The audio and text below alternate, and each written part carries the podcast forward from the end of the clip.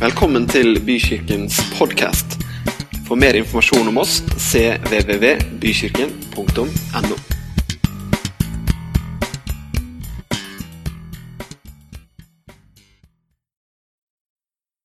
Så kan du være trygg på det. Du vet du hva? Det er sånn at denne boka her, selv om den er urgammel, så har denne boka en evne som ingen andre bøker jeg kjenner til, i alle fall har.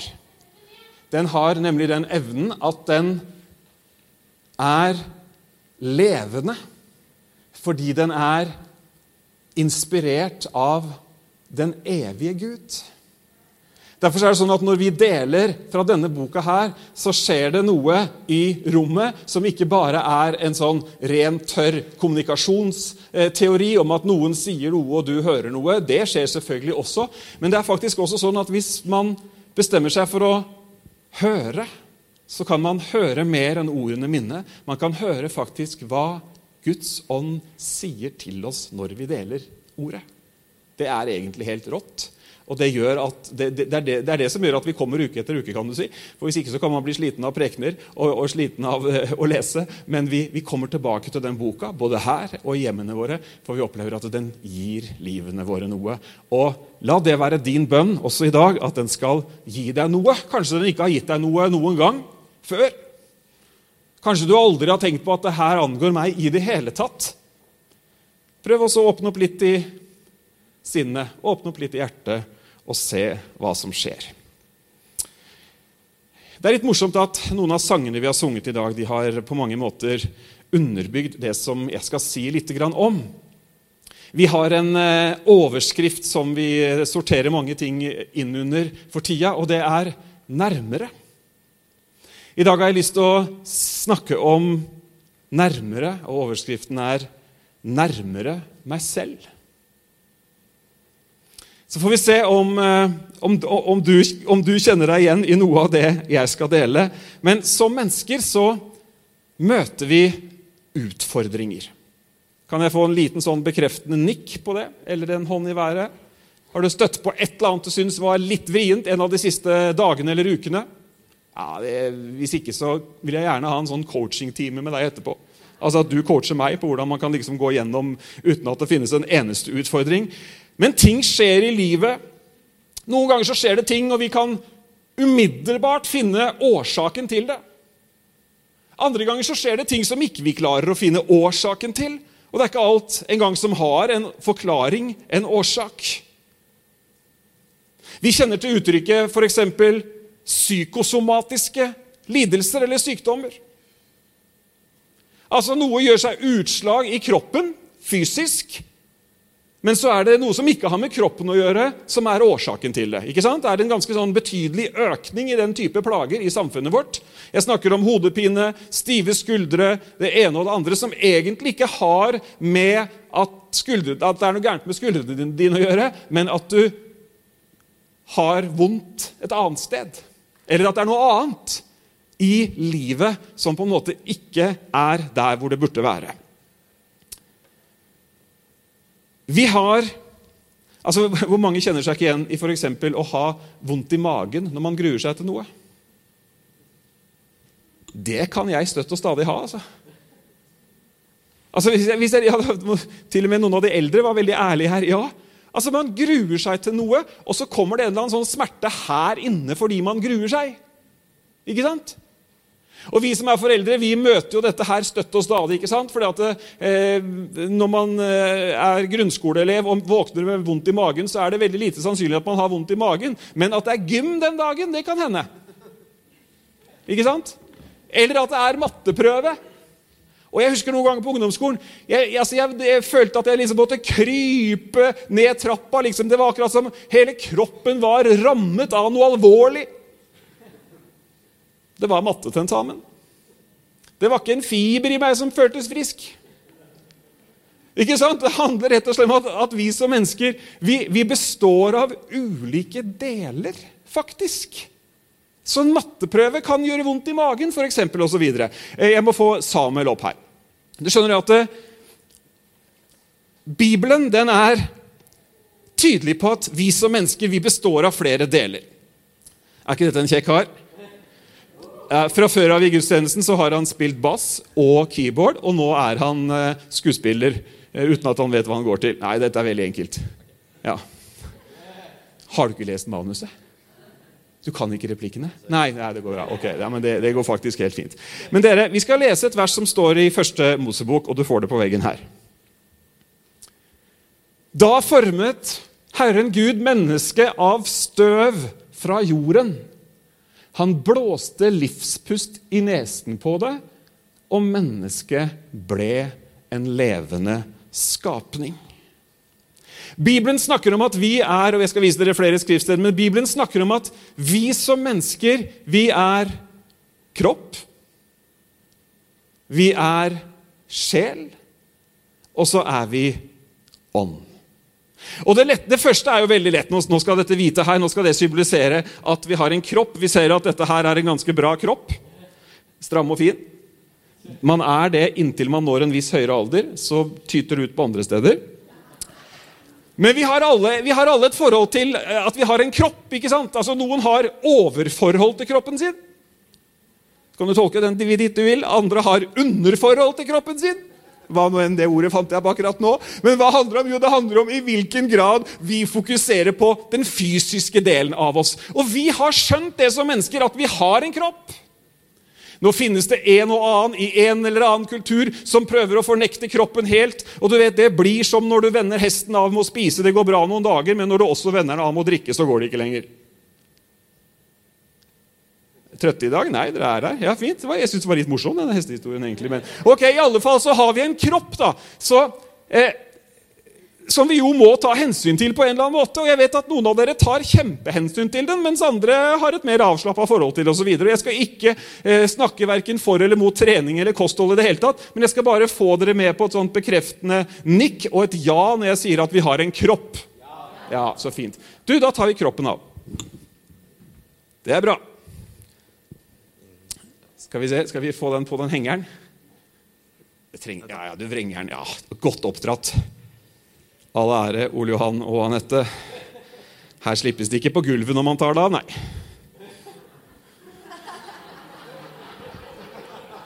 Har dere ikke sett den måten å gjøre det på før? Det går mye fortere. Ok, se her. Vi har en kropp. Men så har vi det andre, da. Som vi også i samfunnet vårt i stor grad har erkjent at vi har. Vi har en sjel. Hva er sjelen, dere? Denne her sånn uh, moderne gul farge for å være moderne. Det er veldig moderne med sjel. Det er det. Hva føler du? Hvordan kjennes det for deg? Det er godt ment. Du skal ikke le nå. Hva sier, hva sier hjertet ditt, da? Ja, men Det er ganske populært. Og det er kjempeviktig. Veldig viktig. Bibelen er veldig tydelig på at vi har en sjel. Altså Vi har et følelsesliv, og noen sier at sjelen det er det liksom som gjør at du er deg, og ikke bare en av mengden. Altså Alle har jo en kropp. Altså Se rundt deg.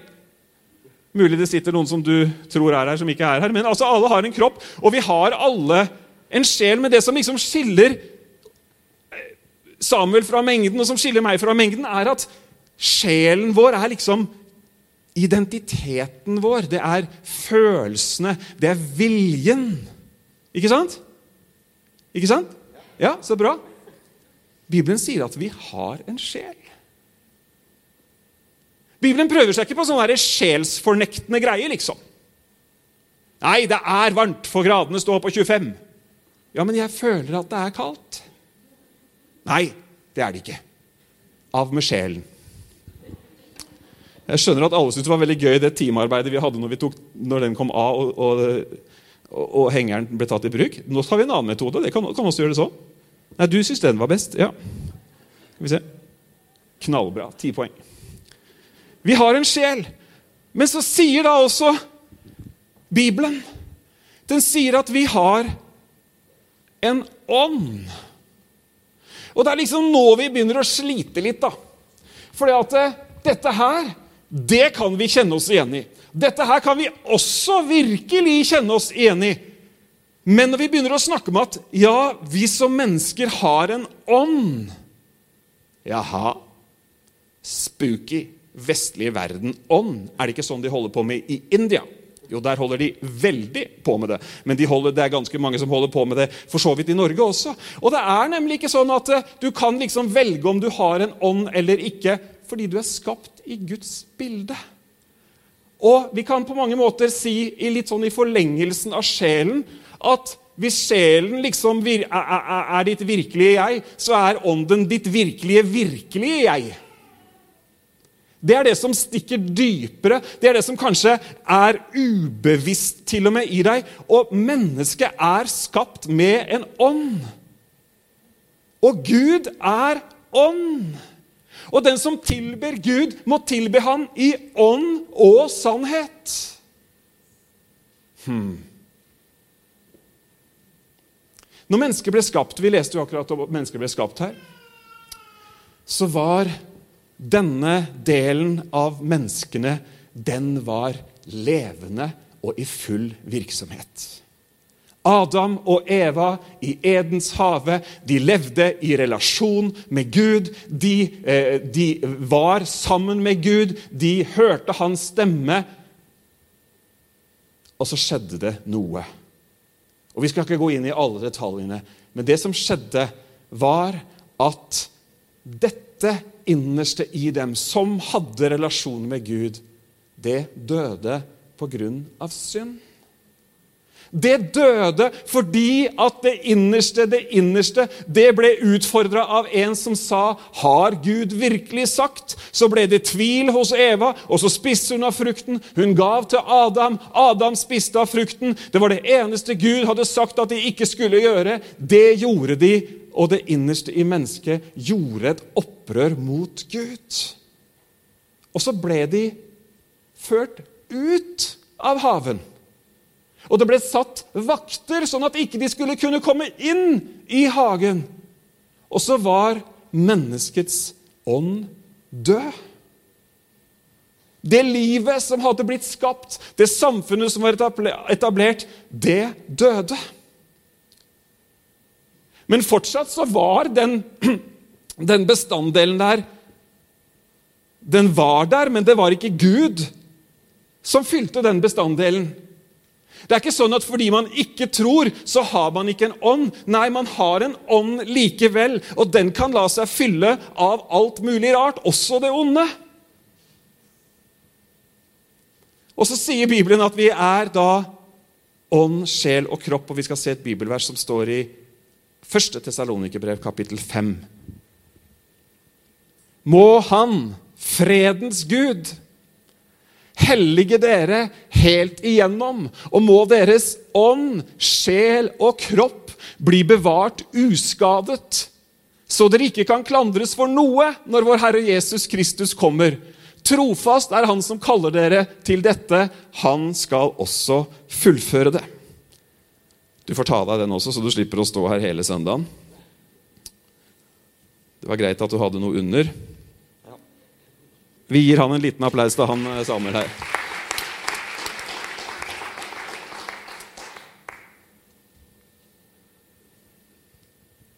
I vår del av verden så har vi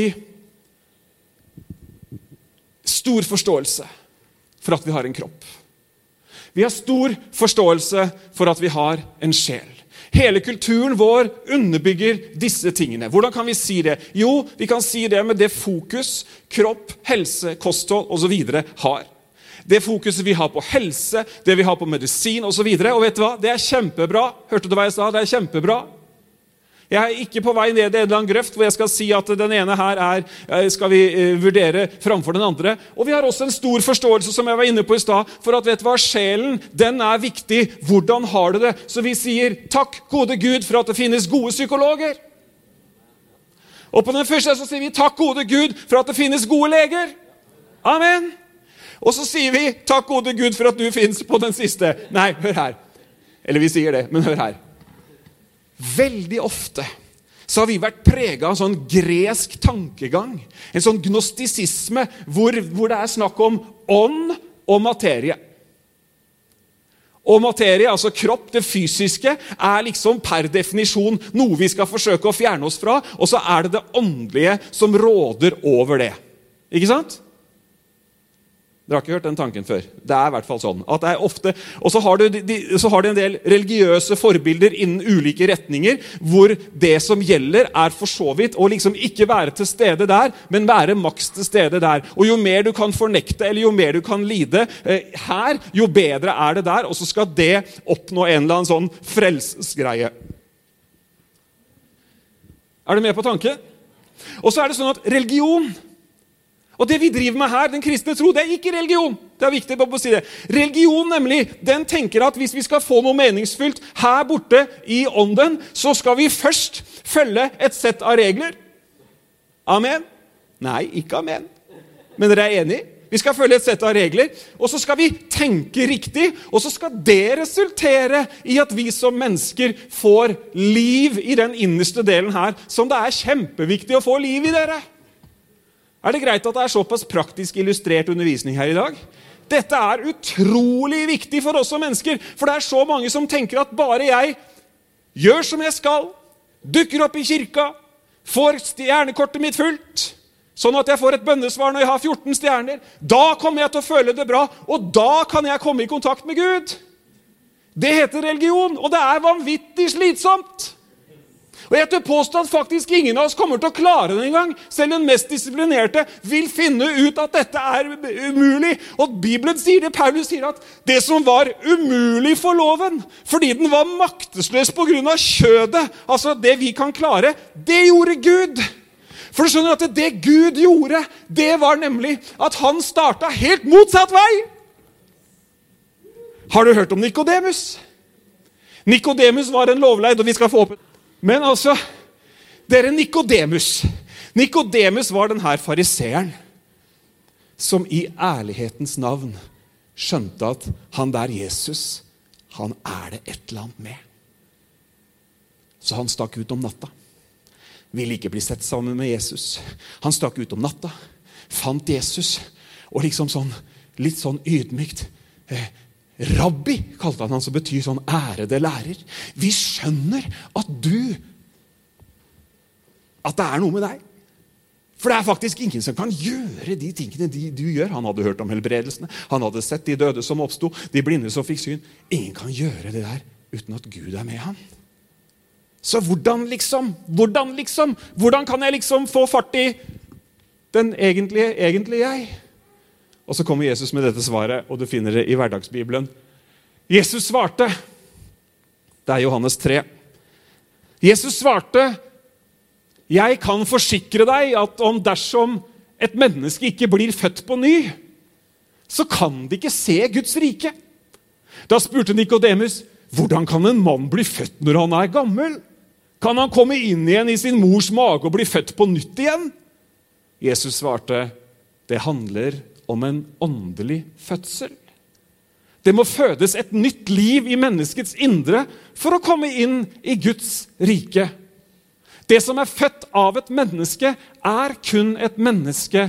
Men den som er født av Den hellige ånd, vil merke at ånden gjør hans indre levende.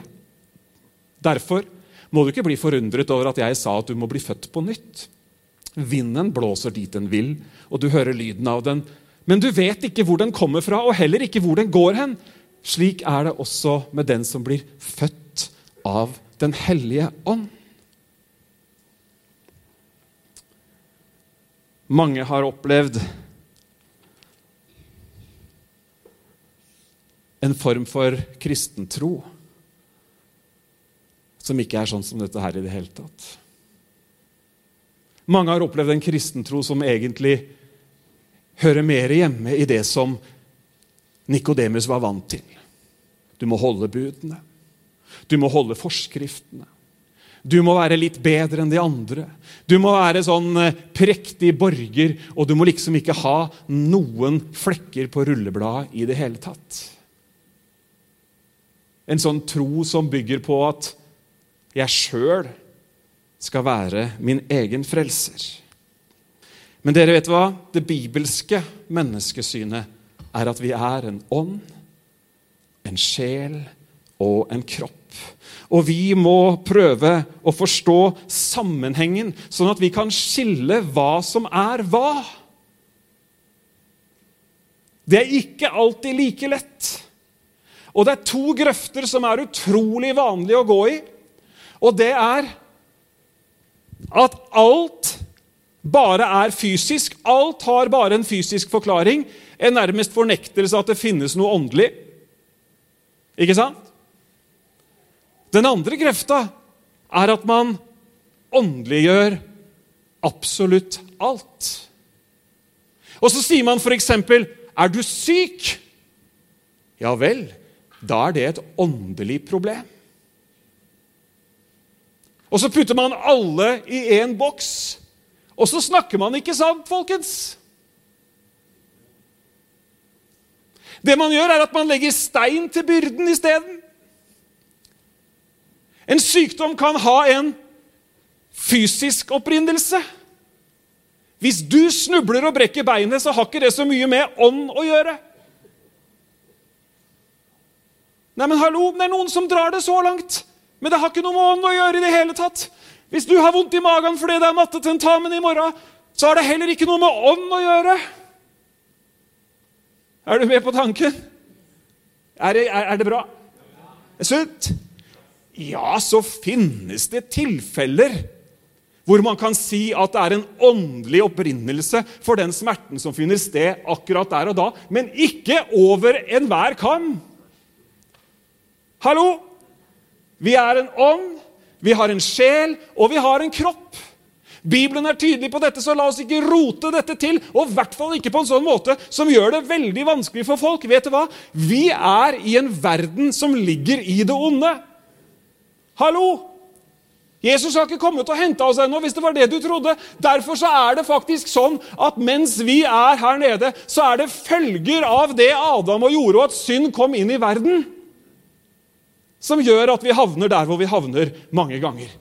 Nå finnes det også, da, for deg som tenker at hva i all verden driver du og snakker om, nå finnes det også både smerter og sykdomstilfeller som du kan spore til et åndelig angrep, eller at noe skjer. Jeg var i Pakistan en gang og skulle preke der. Det fortalte jo Daniel litt om forrige uke. Og jeg, når man er på sånne steder, så er det jo 3000 regler om hva du skal spise og drikke og hvilket vann. Og, så videre, og, så og jeg følger jo reglene så godt jeg kan. og Man bor på et hotell som i hvert fall skriver på veggen at de har rent vann. Og så var det en kveld jeg skulle preke.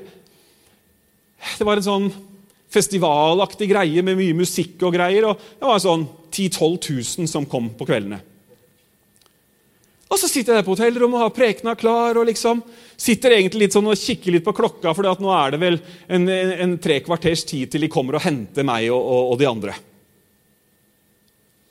Og så får jeg altså noen magesmerter ut av det blå.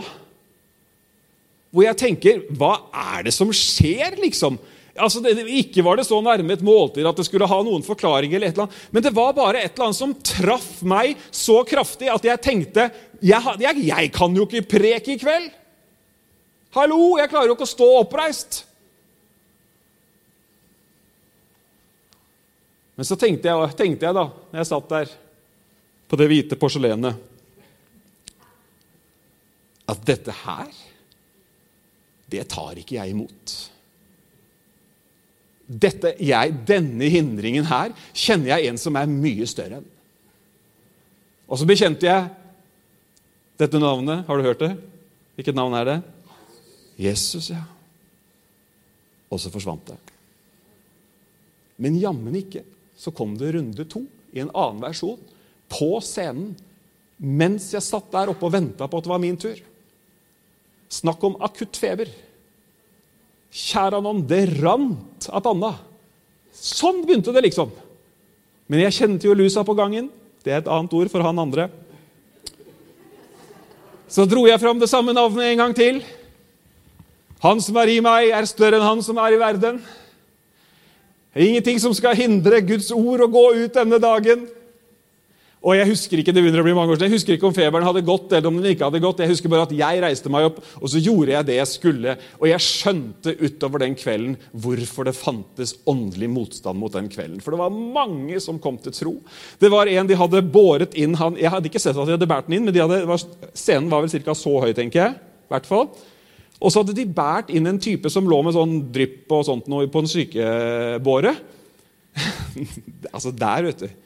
Der er det ikke sånn der, skal vi på møte eller ikke. Nei, møte, det drar vi på. Så de hadde henta han her typen da, som lå bevisstløs på sykehuset. Det får du sikkert ikke lov til i Norge, så ikke prøv det. De hadde hentet han, Og så tenkte de at jo nærmere vi er han der i Gud, det er han gudsmannen, jo større er sjansen for at noe skjer. Så jeg hadde ikke sett dette her, for de har jo så lang lovsang at jeg var ikke der under hele lovsangen. Så jeg kom inn sånn eh, par timer før vi skulle preke. Ja, dere, dere vet du, ser på klokka etter 40 minutter. Du skulle ta deg en tur et annet sted. I hvert fall så hadde de plassert denne mannen her, og på slutten av eh, andakten min Andakt og andakt, ja, det kan du si. På slutten av det jeg skulle si, så, så var det altfor mye mennesker til at man kunne si 'kom fram og bli bedt for'. Altså, Da hadde jo vi blitt trampa i hjel. Så du må liksom, det var litt mer sånn 'be for deg sjæl der du står'. Nå skal jeg be. Og så gjorde vi det.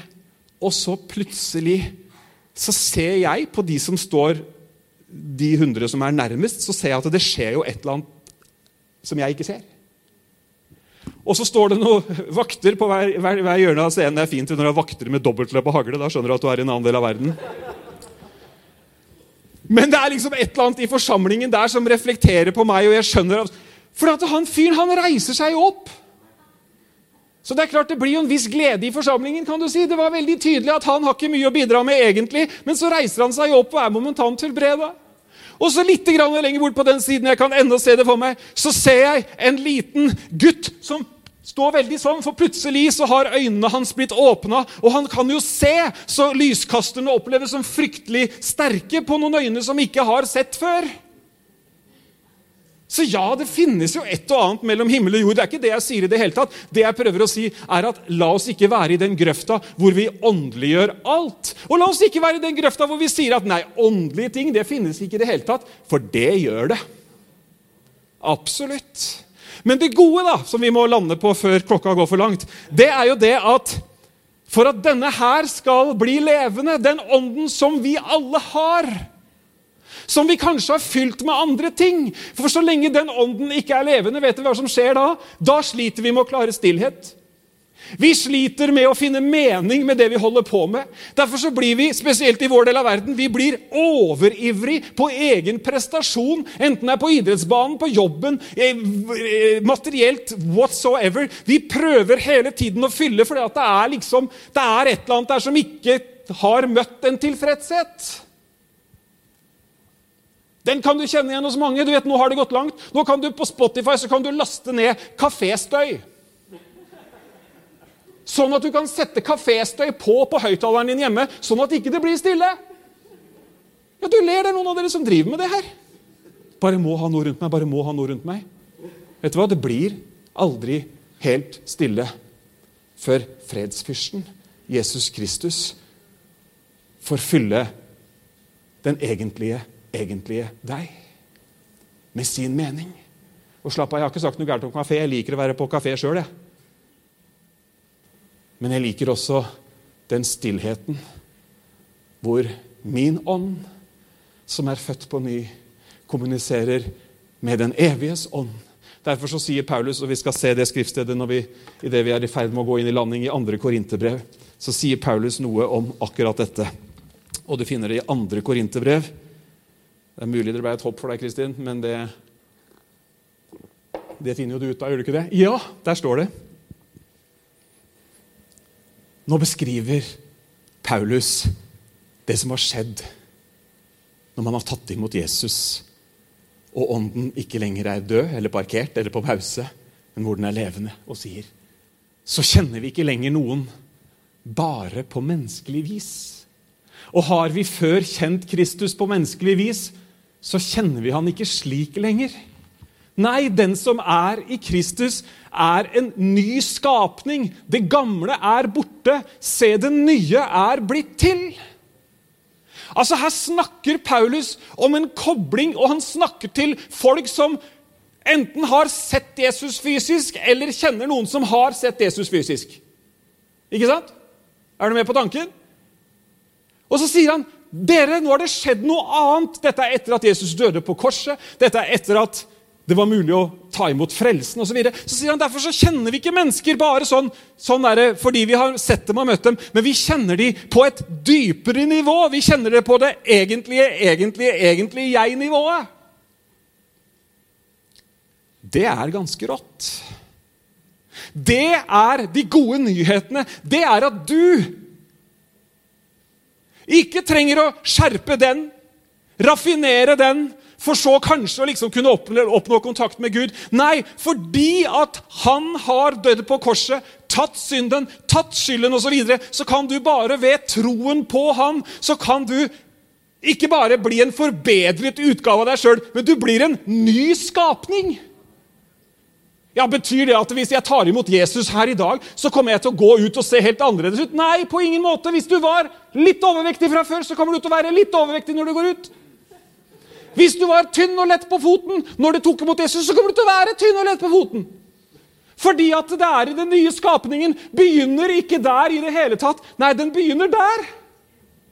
Og så vil, når du får på deg denne skjorta når den blir levende, og du gir tid og rom for at denne identiteten får sette seg, ja, da kommer det til å prege den her også. Ser ut som jeg går amok på henne som Maurits.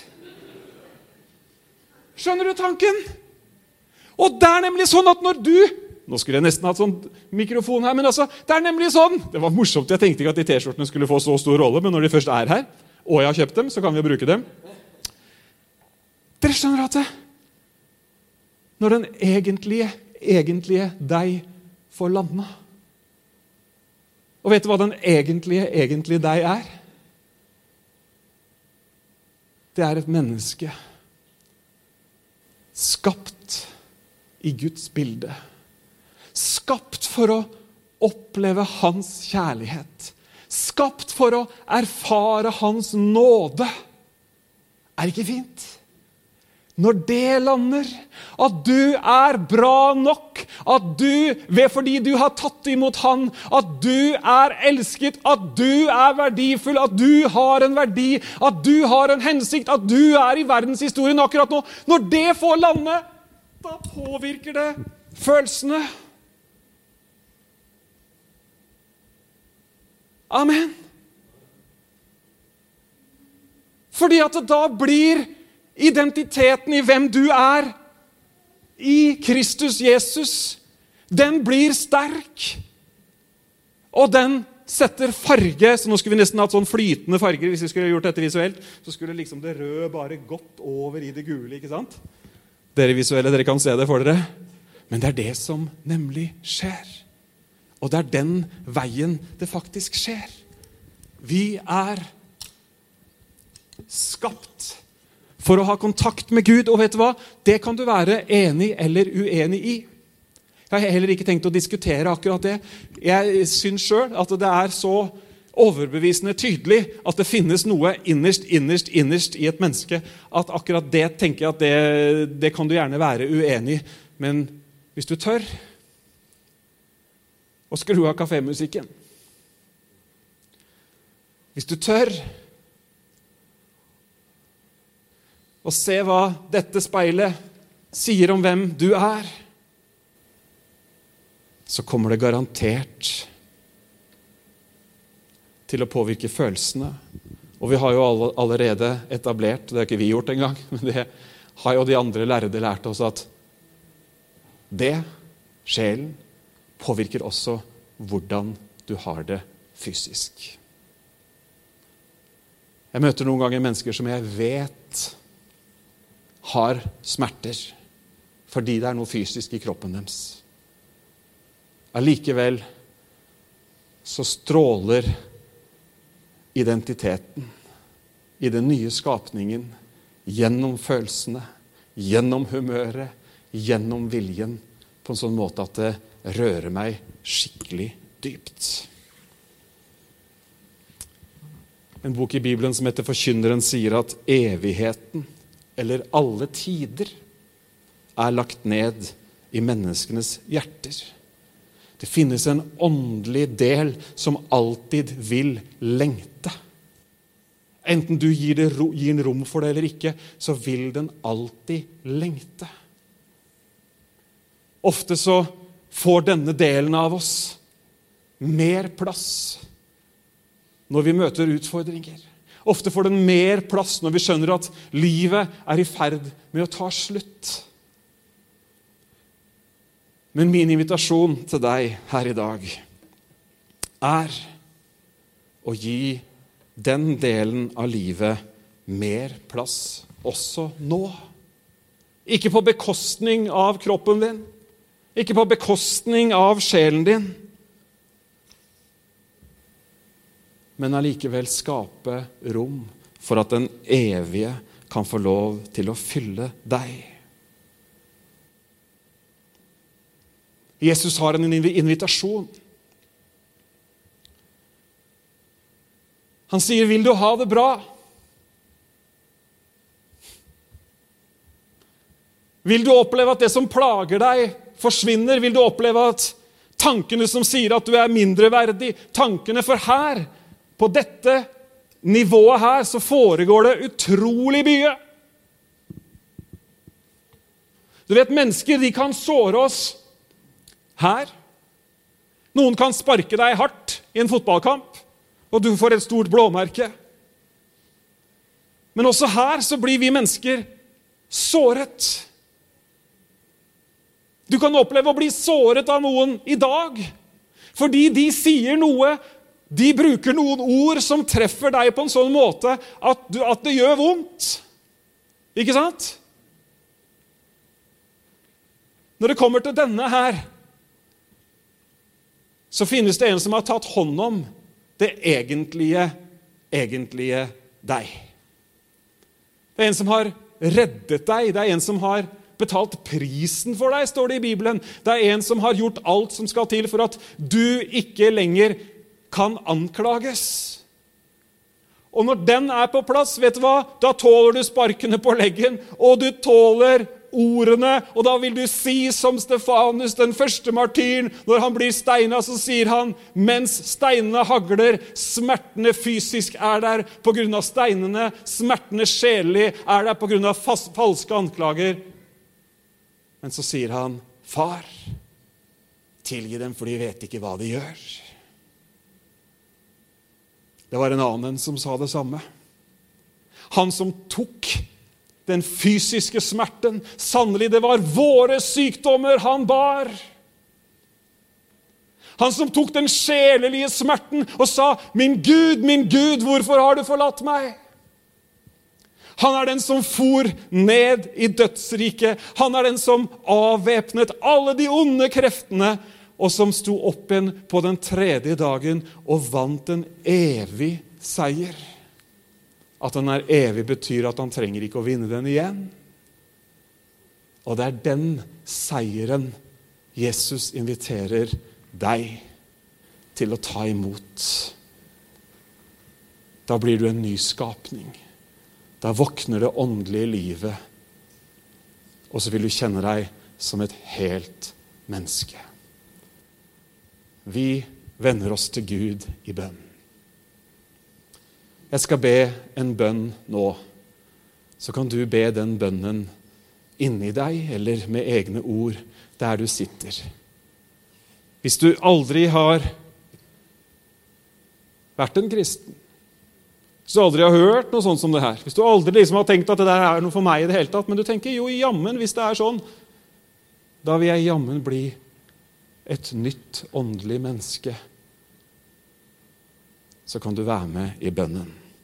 Kjære Jesus, vi kommer til deg i dag. Vi takker deg for det du har gjort for oss. Takk at du vant over sykdom. Takk at du tok bort synden. Derfor så vender vi oss til deg nå. Takk at du tar imot oss sånn som vi er der hvor vi er. Jeg kaller på deg, Jesus. Bli min frelser. Bli min Herre. Så jeg kan være ditt barn. Amen. Amen. Skal vi få lovsangsgjengen opp igjen? Så skal vi synge sammen, og så skal vi bevare litt ro.